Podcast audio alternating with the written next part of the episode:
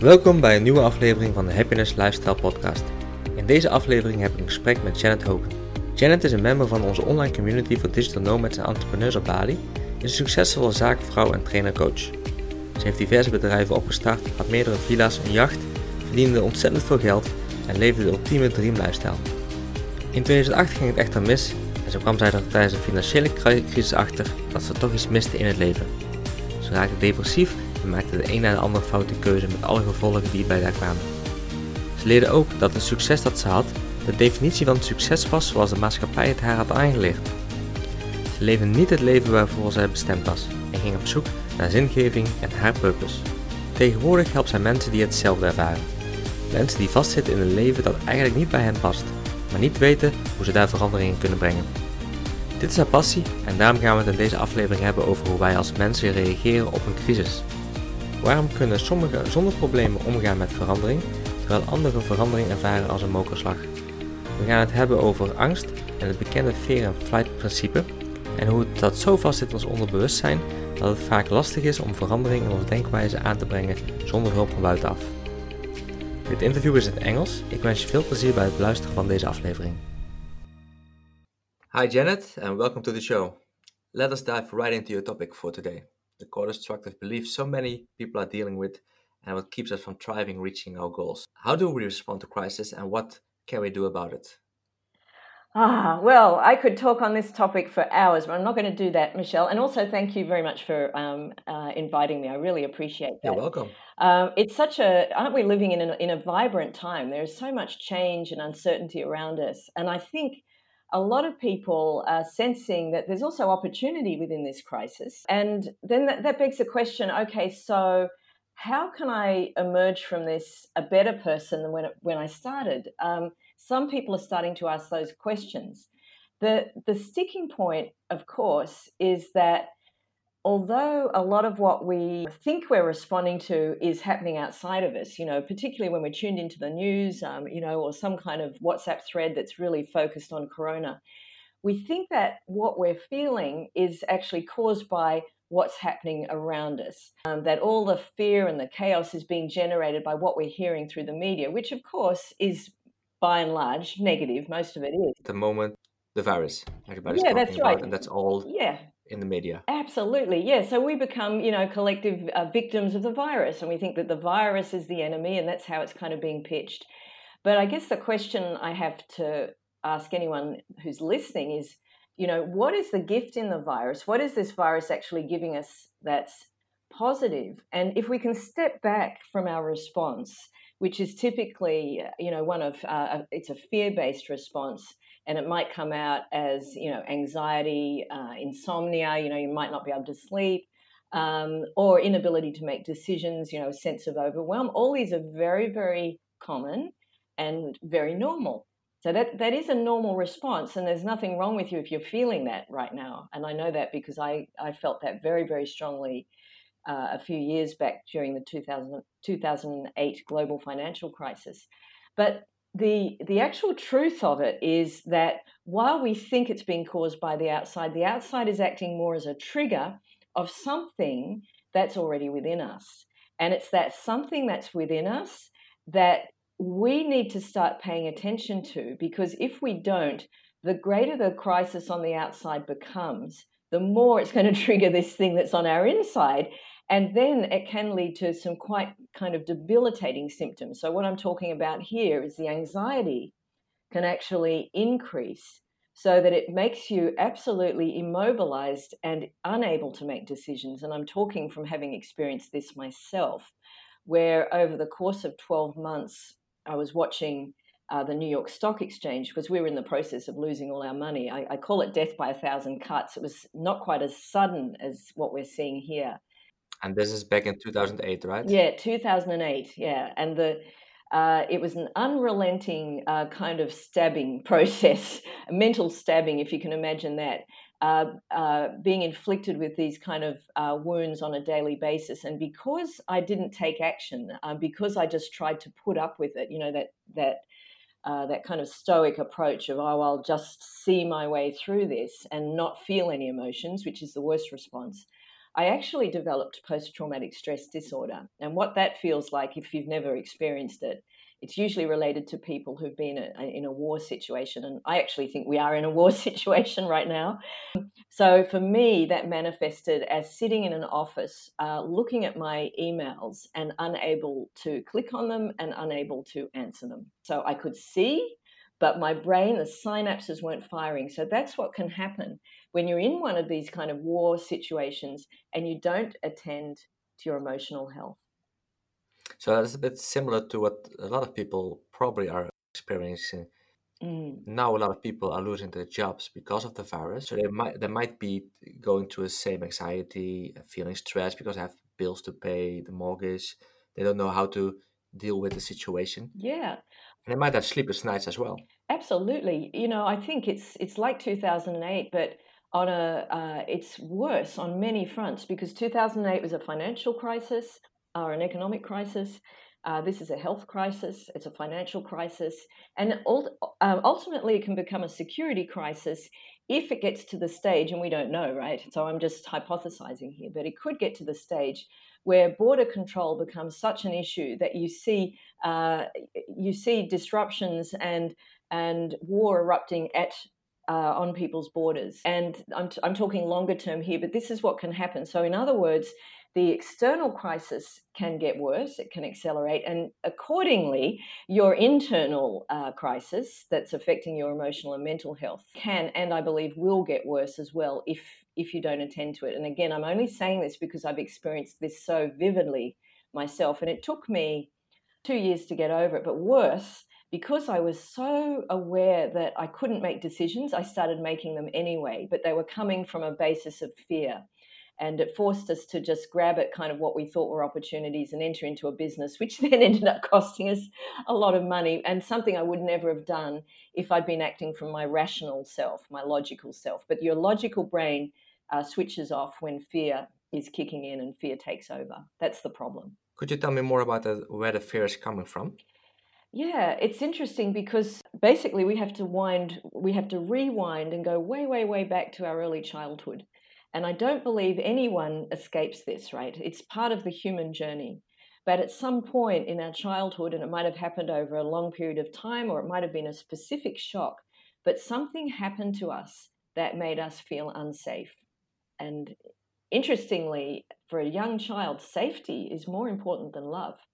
So it's about feeling safe. So if something happened, like we might have had a, an older sibling who was very jealous, who, who made us feel unsafe, or we had, uh, you know, a mother who yelled at us, or a father who was abusive or absent, you know, all sorts of things. Like there's endless scenarios. But what happens is we experience an emotion for the first time that we don't know as a young child, you know, typically between the ages of, you know, zero to seven, maybe a bit later, but generally in that kind of age range, we experience an emotion that is foreign to us that puts us in a state of shock. And so, accordingly, to feel safer in that environment, it can be something really subtle, like just your mum just, you know, yelling at you in an uncharacteristic way. And so it shakes something inside you and go, oh, what was that? You know, and, and from there we create what what is like a belief that tries to make sense of what's just happened. So, you know, as an example, I was working with someone and uh, she said she must have been three or four. She still remembers this. She was in the uh, laundry with her mum and she said, Oh, mummy, can you pick me up? And mum was unusually dismissive and said, Oh, not now, darling, no. Uh, so she still remembers this, although it sounds, you know, very tiny, a tiny incident to an adult. To a child, that can be huge. And so from that, she created what I call a core destructive belief of I'm unwanted that just came from that moment. And then that story, if you like, next time mummy's a bit dismissive, um, the child un- unconsciously isn't, isn't consciously thinking this, of course, goes, oh, well, you know, that's because I'm unwanted. So it, it starts to explain away the pain. And unfortunately, what happens, this core destructive belief then continues to drive our show, to run our show into our adult life. And so, why it's relevant to what we're seeing right now is that that that core destructive belief and the emotion around it it might be uh, you know shame or humiliation or just pure out, uh, you know, fear, the core destructive belief will actually trigger the fear. Um, so the emotion, the fear, and the core destructive belief are all enmeshed. They all work together like this triad.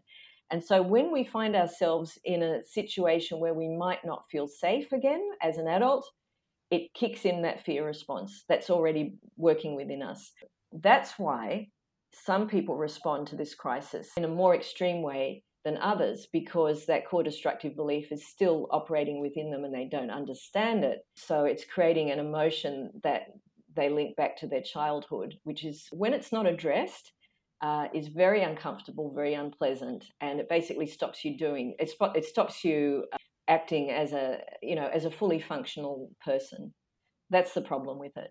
What I, what I hear you saying is that when you're a child and years zero to seven, you're basically a blank sheet, and so and you absorb all all the information from the world around you. There can be society, there can be uh, your mm-hmm. parents, any kind of information, uh, positively and negatively, and that's how you create your belief system. Absolutely, yeah, that's exactly right. Yeah, um, and the the danger in it is it's, and I call it an enemy, but only while it's undiscovered and unknown, because actually that side of us, once we understand what it is and we bring that core destructive belief to the surface, we understand that that was a part of us, our shadow, if you like, that was just trying to protect us from feeling further pain. That's all it was. So it bears no truth uh, there's no truth or similarity in, in terms of how, how we actually are, who we actually are.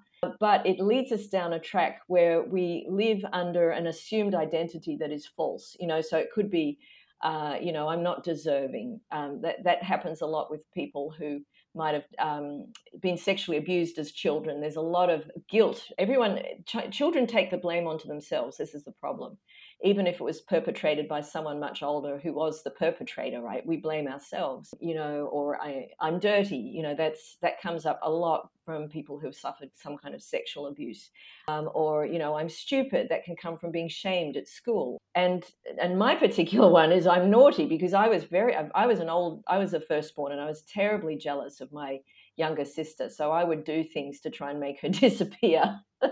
Fortunately, she didn't. We went on a shopping trip one day and I stuck um, labels all over her price tags over her baby forage. She was only six weeks old, hoping someone would buy her. And my mother was, did not react positively to that at all. And in those days, boys had the belt and girls had the wooden spoon. So my mum would chase me around the house with the wooden spoon saying, You naughty, naughty girl. Now, because that was delivered with a lot of anger, and it's the emotion that we're feeling, right? So when someone, when a parent yells at you at that age, uh, you immediately go into a state of shock. You know, there's a lot of fear around that because I'm, I'm suddenly going, all oh, right, I'm naughty. Okay, so that was my core destructive belief. And how that patterns out is that it's then followed by some kind of punishment. So there's a wooden spoon, and then there's go to your room. And so you go to your room, and I would sit on my bed, you know, saying, I hate mummy, I hate mummy, I hate mummy. And um, this set up this pattern. In other words, I am naughty, therefore I must be punished. I will do my time in the room, and then when I come out, I'll do the crime again. I'll do the crime, and then I'll do the time, and this becomes like a what I call a crazy loop. Uh, so initially, the punishment is dealt out by the person who's there to keep you safe, most typically, you know, like a parent. But then once that core destructive belief is imprinted into your psyche, you deliver the punishment to yourself. So, for instance, and I can and I, and I can imagine a lot of people are not aware of that they do. Oh no, this. this is no exactly, Michelle. This is the fascinating thing. We do it on autopilot. We're not aware of it at all. It's kind of fascinating because why am I? Why is life not working for me? Why do I keep? Why do my relationships keep breaking up? Why do I keep losing my money? Uh, why can't I get a job? How can we create awareness around this for ourselves? Ah, well, this was my fascination because I thought if we can solve this, we essentially solve the issue of why people can't become who they want to become. You know, because we're, we're all sitting here right now in this corona environment going, wow, I can sense that there's opportunity out there, but I'm feeling so scared I don't know how to seize that opportunity. That's what my, that's how most people are feeling. Yeah, this became my obsession, if you like, to find a way to bring this core destructive belief to the surface. It's something that um, you know Carl Jung spoke about a lot. Now he, of course, was like a psychologist therapist.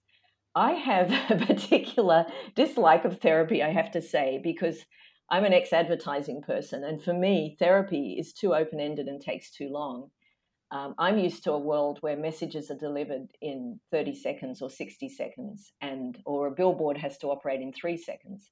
So I wanted to come up with a way that would help people unearth their core destructive belief that wouldn't take years on a therapist's couch or even months or weeks, but actually days. So that became my holy grail, if you like, to find out how can I help people become aware of this in a way that's not nearly as painful as it as it's been in the past and hasn't always been effective either. So is there a way to actually bring it to the surface so that people can start operating as they were supposed to without being constantly grounded by this inner braking system.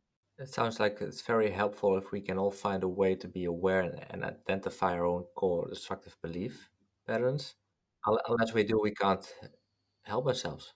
Yeah, well, the problem is while we don't get to the bottom of it, we stay in victim mode. We generally blame our parents. Uh, we kind of sense that they're behind it, but we can't put our finger on it. And we give up way too early, you know. So we try something, we go, you know, I'd really like to try my hand at blah blah. You know, it might be like writing a book or whatever it is, you know, something that we feel is within us to do. But unfortunately, this negative programming, which is hardwired into us, will kick, will, will, the minute it senses that we're going into unexplored territory, that change might be on the horizon, that core destructive belief uh, starts to play and it starts to um, change our attitude from hey let's give it a go to oh i don't know about this. Maybe this is for other people. Maybe this isn't for me. Maybe i'm too old or i'm too young or I'm, you know whatever it is. We're not necessarily consciously thinking it but it's acting as our internal braking system. I recognize that if i look to myself when i want to engage in something i'm i'm passionate about something or i'm motivated to do something i also struggle at certain points in the process of to keep myself motivated or to continue. I'm aware of it because I've did a lot of work. I've talked, I've talked to you. I've talked to a lot of people around myself. But what can people who are not aware of, of this do about it? Well, this is a $64 million question, right? And so this became my obsession. Is there a way to actually take people through it? Over the last uh, pretty much two years, I've dedicated most of my time to exploring that. And so that is what I now um, do. And the reason I was so motivated to do this was because I um, I actually developed a program called the Fifth Door, which was a program I wished had been available to me when I left school to help people actually understand who they are. So it's like radical self knowledge uh, to understand, you know, what your behavior profile is, where you're smartest, because there are eight types of intelligence. You know, so what's your uh, where are you smartest? Um, and also intuitively, you know, what is it that you have that's within you that you really want to express, but you don't feel that you can or you should, or you don't even know what it is. And so I would get people to a place where they actually understood who they were and uh, got to a place where they actually had, you know, a project that was an extension of what they really should be doing with their life, right? Because most of us have, don't have a clue. And I'm a living example of that up until this point the problem I noticed was just before they were about to go over that threshold, what I call the fifth door threshold, and that's a mindset where you're doing what you love, what you're actually skilled at, what you're good at, and what's solving a problem for others or adding value to other people's lives. So you're also getting, you know, rewarded for it, not just financially, but on a fulfillment level as well, of course. But uh, people would trip themselves up before they crossed that threshold, so they'd know what they were supposed to be doing. They'd have that clarity, but even then, they would sabotage themselves. And I was going, what's that all about? You know, why are we doing this to us? And why is this the human condition? Because you're not alone. You know, when you try something and then some some part of you says pulls back, you are experiencing what every other person on this planet, I believe, experiences. So that's where I went, okay, so the real problem actually is not getting people clear on their dreams it's actually stopping the thing that will that is killing their dreams that's what we have to get to the bottom of and so yeah i developed this process uh, which actually works to help to bring to the surface that core destructive belief but it's a guided um, process it's step by step because i remember in uh, 2008 during the global financial crisis when i was uh, going through like a state of shock. I, I couldn't kind of think clearly, so I needed someone to step me through. There was none of that was available back then. So that's why I, I suffered for so long. And I think that suffering has been a gift in a way because it's why I do this work now so that other people don't have to spend those months or years in that same very negative headspace. Uh, because it is damaging over the long term. You know, they say like corona, uh, if you get it, yeah, you might survive, but you could come out of it with damaged lungs, right? You know, so it's not just about whether you survive it, but it's how you come out of it. And this is the same thing now, you know, that we have to look after our mental health so that we come out of it in a way. I believe the potential, the opportunity is to come out of it better than and healthier than than we um, entered it. So, so this process actually um, through seven steps takes you to where you actually do identify that core destructive belief, but in a way that's very guided. It has to be someone has to feel safe because if they don't feel safe, they won't be able to actually benefit from the process. But we're getting amazing, uh, amazing results. Thank you for sharing that, Janet. I would like to use myself as a guinea pig. Is that okay? I love guinea pigs. They're my favorite animals, Michelle, because they're the ones with the brave hearts. So, yes, yeah, absolutely. like I said, I'm quite aware of what I would like to do and what I am doing. And I'm also aware when certain core destructive beliefs are holding me back. So, let's take, for example, um, that's very, very recent is doing these podcasts like I told you before, I started doing these podcasts a couple, a couple of weeks ago, and I really love talking to people, networking, engaging with people, meeting people in events like the events we, we met each other. I just love doing it and learning from those people, talking to them.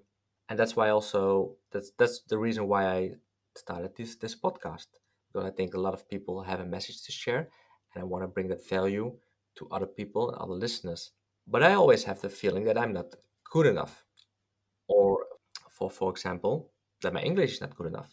So last week mm-hmm. i had a had a podcast and just before the podcast just before the podcast was about to begin i got all these feelings and thoughts of oh am i prepared enough? How am i going to do this? What questions are, are am i going to ask? What if what if what if? A lot of i had a lot of what ifs uh, going through my mind and i actually came to a point that i wanted to cancel or postpone the interview say, okay, I'm not feeling well, I can't do it today, I'm not in the right mindset, whatever excuse I could come up with, and do it the next day. But I know at the same time, this is not helping me either, because if I'm gonna postpone it another day, I'm gonna be in the same situation tomorrow. It's not nothing has changed. I'm not gonna be more prepared than I am today. And I'm aware of it, but it brings me into a negative spiral that makes me a bit anxious and not want to do the interview. I want to do the podcast, and have it every time. I even have it on a podcast when I when I'm uh, doing one with you right now. For example, I don't think I'm quick enough to find the right words in English to have a proper conversation, and that I believe is holding me back to have a proper interview with you. And then I get the feedback after a podcast, and I get amazing feedback. People loved it. People loved the interview. People loved the value, and I'm like, okay, there was nothing to worry about. But every time when I go into an interview, before or then the night before, I get the same beliefs that are trying to hold me back. And for, for somebody else, it's, it's writing that book. And for me, it's doing recording the podcast. I, I love that you shared that because I'm sure anyone listening understands exactly what you just expressed in their for their own context, right? And so just tell me, just as a by the by, Michelle, how are you feeling right now having expressed that? I feel great. I'm happy to. I feel good. I'm having a great conversation with you. Everything is, is smooth. I do sometimes go through my mind, okay, what I'm gonna ask now, how I'm gonna respond quickly enough, because I have to I'm translating it from Dutch to English for myself or the other way around. So that but I feel great now. I, I don't have that that anxiety anymore. That just always that's always just before or a couple of hours before. Yeah. And what you did that was so uh, wonderful and so positive is you not only um, talked about your that fear and anxiety, which is very common, but you also shared it so that you could take us through it as well, and we could feel that with you, and you were kind of reliving it. And this this is so important because we're in a society that's pain adverse, right? We've been told that pain is bad. So I just like to make a little distinction here. There's pain and there's suffering. They're two different things. Now, pain is something that we're actually that is natural, that is is part of us, and we can feel it as emotional pain, right? So what you were describing just then was the pain of uh, fear, anxiety, self betrayal. You know, letting yourself down, nearly giving up. You know, all of that's painful, right? But you were able to do two very constructive things. Firstly, you could give it a name. So you named what you were feeling, and then you shared it with us by talking it through. And that's uh, that's a good that's a good therapy. So you can do it by talking it through, um, knowing others are listening. You can even talk it through yourself, or you can journal, but or you can just lie in bed and li- allow yourself to feel it. But to really, ne- if you like, nestle in to that pain until it passes, and then you come out the other side. And instead of running away from it, you've gone, ah, oh, okay. So this is how I feel before a podcast. I come out the other side. And actually, now that I'm doing the podcast, I realize that that a lot of that wasn't even true, right?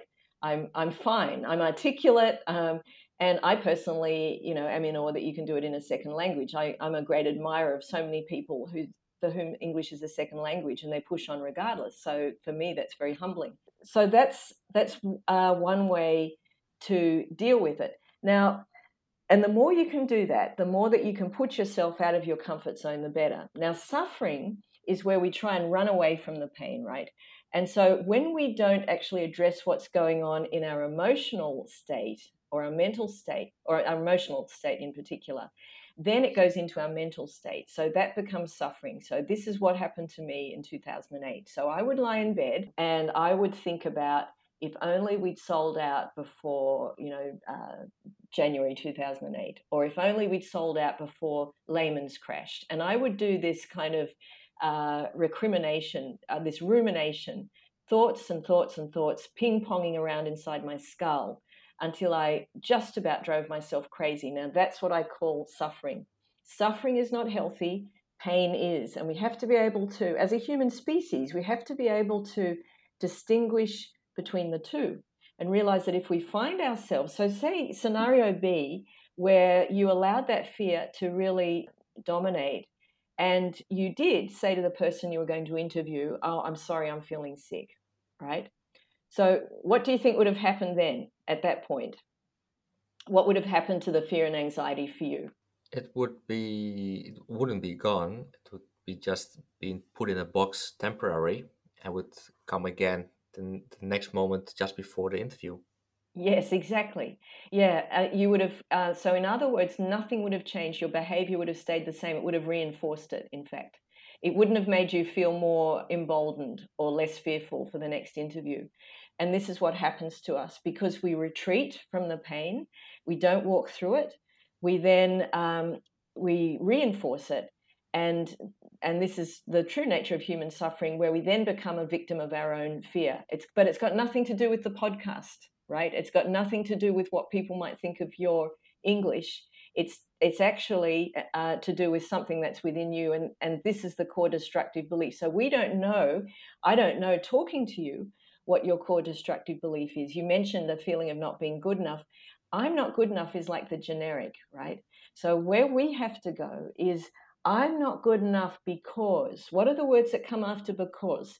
That that's the reason that you don't feel that you're not good enough, right? So, and that's the core destructive belief. So I would go, you know, I'm not good enough because I'm naughty, and not, you know, therefore I deserve to be punished, and therefore I can't be myself, and therefore I can't be seen or heard, and all those those therefores are the beliefs, the limiting beliefs that come off that core destructive belief.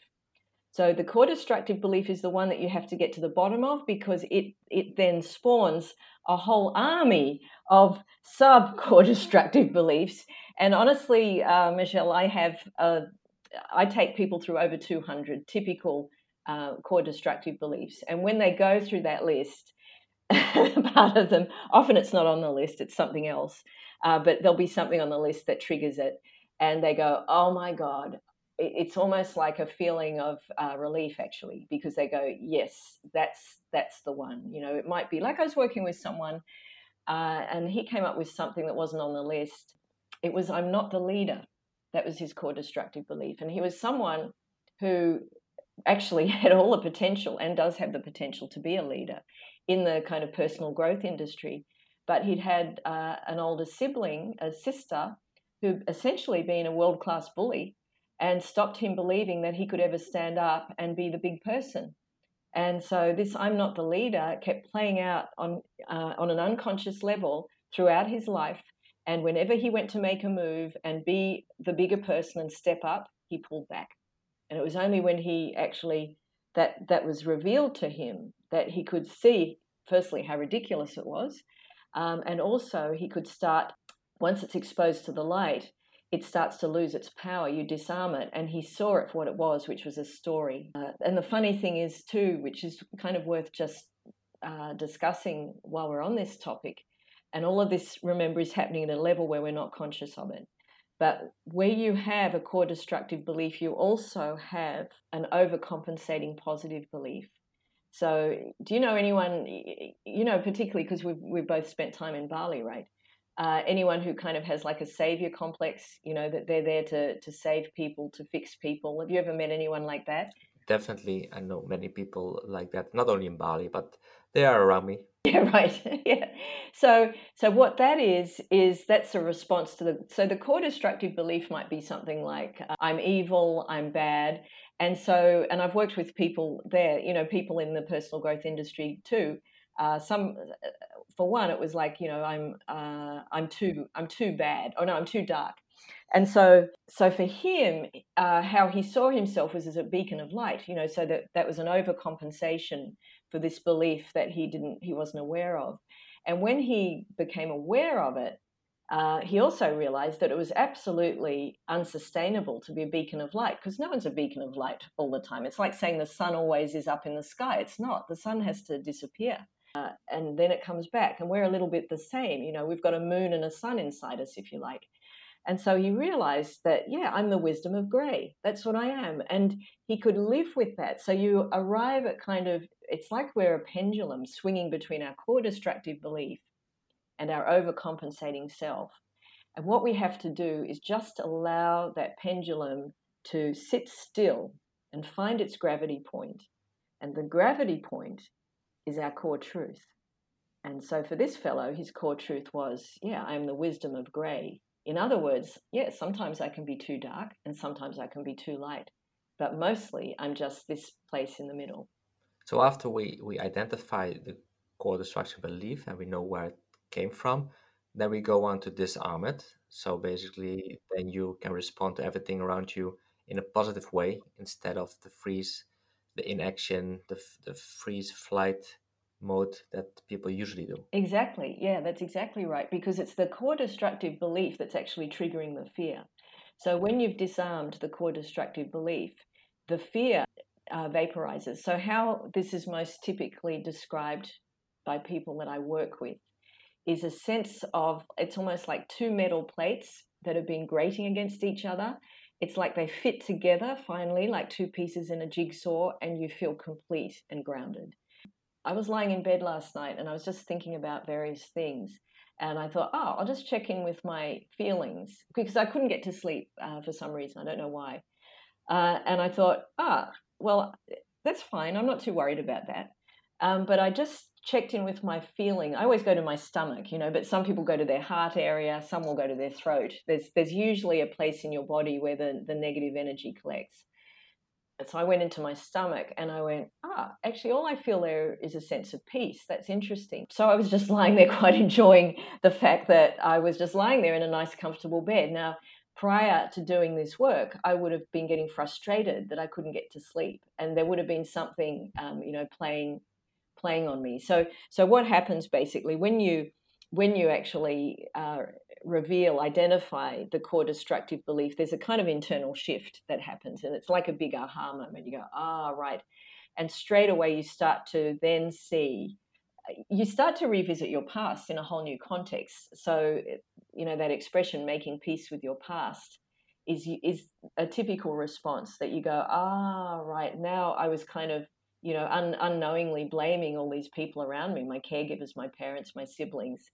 And now I kind of start to understand that this was my journey. And we actually take a bigger picture approach to it. It's a little bit, I liken the, the process that I take people on as a hero's journey, you know, but instead of Luke Skywalker, it's you. you go on your own hero's journey. So you start from where you are right now. We, we imagine your bright future, your vision, because we have to go there. We have to set a vision in place. Otherwise, it's too scary to go to your past for most people. But so we set that in place, that becomes like a bridge. And then knowing that that's out there, then we start going back to your past. So the thing that you want most, your bright future, uh, is the thing that you've known what it's like not to have. And so it starts to define your core fear. So when we know what your core need is, we also know what your core fear is because that sits on the other side. And then once we know what your core fear is, we can reverse engineer uh, through this process to go through okay, so uh, where did that fear come from? What emotions were behind that? What happened to you in your childhood? Okay, and then once we've done that, and I actually work with people's, um, if you like, their shadow self. It does. Uh, it, it's it's interesting how open and willing people are to go along with this when they can see it's a process.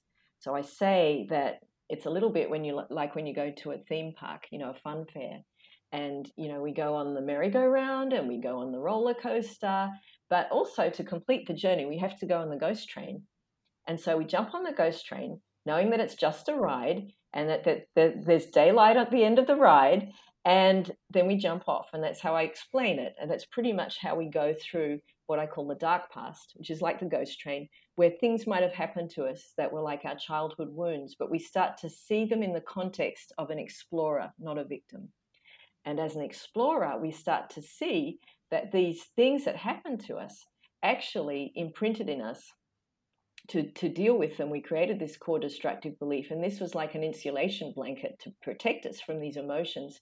But once we get off the ghost train and we step into the light, we can look back on our past and go, oh my goodness, this is what's formed me. This has actually made me who I am. You know, so just to give you an example, um, because my mum locked me in my bedroom, and I totally understand why she did that. All the mums had wooden spoons in those days, so it was kind of part of that that period of time. But it gave me a frustration that I couldn't be myself. I just had to, you know. So I spent most of my life behind a desk. I would never have recorded a podcast like this, or or, or, or talked or expressed myself. I was just the hard worker. So, because that was painful to look back on that, that's why now I feel passionate about helping people uh, find out what their core destructive belief is so they can truly express themselves. So, you know, my message, so from this process, we get our messages. And so, my message is, you know, find out who you are, you know, be yourself, uh, find your voice, because this is your journey. This is your obligation to yourself so this is this is the beauty that comes out of the process. It's not just about dismantling this core destructive belief, but finding the gold in it. And then the healing process can start. Yeah, exactly. And it starts. It can start quite quickly. It doesn't have to take. Honestly, the I see people's expressions when when they bring together their two sides. You know, if you like, their shadow side and their their their, their conscious and their unconscious self. Uh, in some cases, uh, people's faces drop 10 years you know because they've been carrying this fear you know when you carry fear you wear it like a like an overcoat uh, in in your posture how you breathe what you look like. And then when you drop that overcoat it's like ah it's like relief. And with someone i worked with their handwriting changed. It was just like whoa what it's very interesting how we're controlled from within and uh, but we have no idea to what extent. It's interesting to see that and to see that the change happening in people and that's only possible when they are aware and want to work on themselves if i gave you gave the example of the podcast which was really good when i until i knew that my core destructive belief was i'm naughty um, how i would have um, what i would have done is i would have fronted up to the podcast 10 minutes late uh, I would not have prepared for it, and I would have sabotaged myself that way. And I did that actually when I was younger. I, when I was younger, I um, did a bit of acting and modelling, and for the first um, call, uh, we had a read through with the cast. It was a big deal, right? And I was play, playing the lead. it was a very big honour. uh, at that because I was only 21, uh, and I turned up an hour late. You know, and I, I had no idea why I did this, but then I punished myself afterwards like you couldn't believe. And it's only when I realized that that core destructive belief of I'm naughty, therefore that naughtiness played out all the time. And I only saw it when I was aware of it. But my behavior has absolutely changed 180 degrees, not because I'm punishing myself or feel guilty, because it's not fun uh, being run by something that you're not aware of. It's it's uh, it's horrible. So I think yes, you can have tools, but uh, essentially, it's not going to be an act of will that conquers this. It's you do have to have the awareness, and as they say, awake is awake. Once you're aware, you can't go back. That's that's the relief in it for me. That's the wonderful thing that it's not just like something that you learn, you go aha, and then you forget about it. It doesn't work like that. So, no, and, and uh, I agree. And then the awareness is is one, and then in my case, the meditation helps me to disarm that core destructive belief. I, I use the general one: I'm not good enough, but it, it basically comes from the sense I'm not good enough because other people are always better at it and I know where it comes from. I know from my childhood that always I wanted something, but other people were better at it. Even even in school, I wanted a certain education, and teachers told me I was not good enough because that was for other people, and I should go just do that what they thought was good for me. So I'm aware of that. So I so I can disarm my core destructive belief, and then when I when I meditate just before a podcast or whenever I have something that I know will makes me anxious to do or I have doubts about my my own capability of doing something i meditate. And that helps that's really what helps me. Yeah. I'm sorry i'm thinking aloud here. Not, not that i'm proposing we do a session on air but i would be saying to you and why are other people? Because it's actually not other people it's there's an i am statement in there that sits below that uh, why are other people better than you? And that we we would keep going down, down, down, down, down, down till we reach um, that the bottom of the mind shaft, and that's there's yeah it, there's probably something even beneath that too. But um, look, the the the good news is it's a process. It's not uh, it's not something that is just cloudy and vague. Um, it's like climbing a rope ladder out of this dark place. It's it's step by step. Whatever gets you in that mindset where you can take action, because the action, the motion is what creates the change and what keeps you growing. Just as we were talking, then I was thinking about trees. and I was thinking, isn't it extraordinary that nature grows automatically? It's just instinctive. A tree doesn't think about whether it should grow or not, it just grows. And yet, we've been conditioned as a human species to not grow wherever possible. In other words, to cling to our comfort zone. And uh, that is the key to us growing is to jump out of that uh, out of that um, comfort zone. So to continue the tree metaphor, it's almost like every time we do, we add another growth ring to ourselves, you know, to our trunk. Um, and so that the area that was the discomfort zone soon becomes the comfort zone. So Michelle, for you, the running podcast, you're going to be so comfortable with that that you're going to need another area to jump into to become uncomfortable. So start thinking about what that is, and then and then you'll need to get find another one. So if you imagine you're a tree, you're becoming taller and also wider and stronger and more stable. And that's all of us need to do that. We all need to think like trees. I love the tree. I, love the tree example. It's actually I, I use the tree as a metaphor in my tradings in creative development. So yeah, I really love the tree metaphor. Great. Yeah, well, you know, we in Australia in particular, we have this thing called the tall poppy syndrome. So we chop people down the minute they become, uh, they rise above the rest. And that, same in the Netherlands. Really, yeah, and it's very unhealthy that because we need to be encouraging each other to take uh, to take risks, to jump into areas where we feel uh, that we could, you know, make an idiot of, of ourselves. You know, I ran a ma- master class. Oh, I think you might have been on that master class. And uh, yeah, five minutes before, uh, I couldn't assign the hosting. And so I was, you know, totally driving the bus, so to speak, you know, letting people into the room, running the chat, doing the breakout sessions and muting people's mics while trying trying to actually deliver something sounding vaguely sensible and that for me was a you know definition of being out of my comfort zone but afterwards i felt uh, really good about it. Whereas if I hadn't, if I'd backed off, I would have felt despairing. And I think that's a choice that we're always given that we can suffer that inner sense of despair, the life lives small, or we can push ourselves into the into that area to to grow and you know arrive at that that point where we are on our final deathbed and we go yeah actually my life did mean something you know it, it was a significant life because i grew just like a tree Amazing, thanks. I think we can talk about this topic for hours. I know, we can. Yes, yeah. Just before the episode recording, you told me that you had made some recordings for people who wanted to go deeper in this topic. Yeah, yes, I, yeah. So I ran a, a masterclass last week, but it runs for two hours. So I've, um, I can certainly make that recording available because there's a there's a good exercise in that as well to help you get clear on your your vision and just also to demonstrate how uh, simple this process is. But equally, if you don't have time, there's a half hour uh, mini webinar just to share with you a little bit more background on that core destructive belief. Um, and I'm also running the process online, um, but just for a limited number of people over seven sessions. So, in, effectively, with a weekend in nine days, you can go from being run by your core destructive belief to uh, a place of being much more calm and grounded and being able to take control back of your life yeah, I can post links for all of those if if anyone's interested. And um, the whole idea is, yeah, it's out there. You can take change. You you can make changes. You can grow. It doesn't have to be as hard, maybe, as you thought it was. No, definitely. I think it's an amazing opportunity for people who are interested in the core destructive belief and want to know more. Also, want to know more about you and what you do. I did the, that mini test twice already. I did it last year in November, and I did it on the webinar last week with you and I, I really enjoyed it. I really enjoyed to come to um, a better understanding of what I need to move forward. So I can definitely recommend that uh, for for anybody who is uh, interested.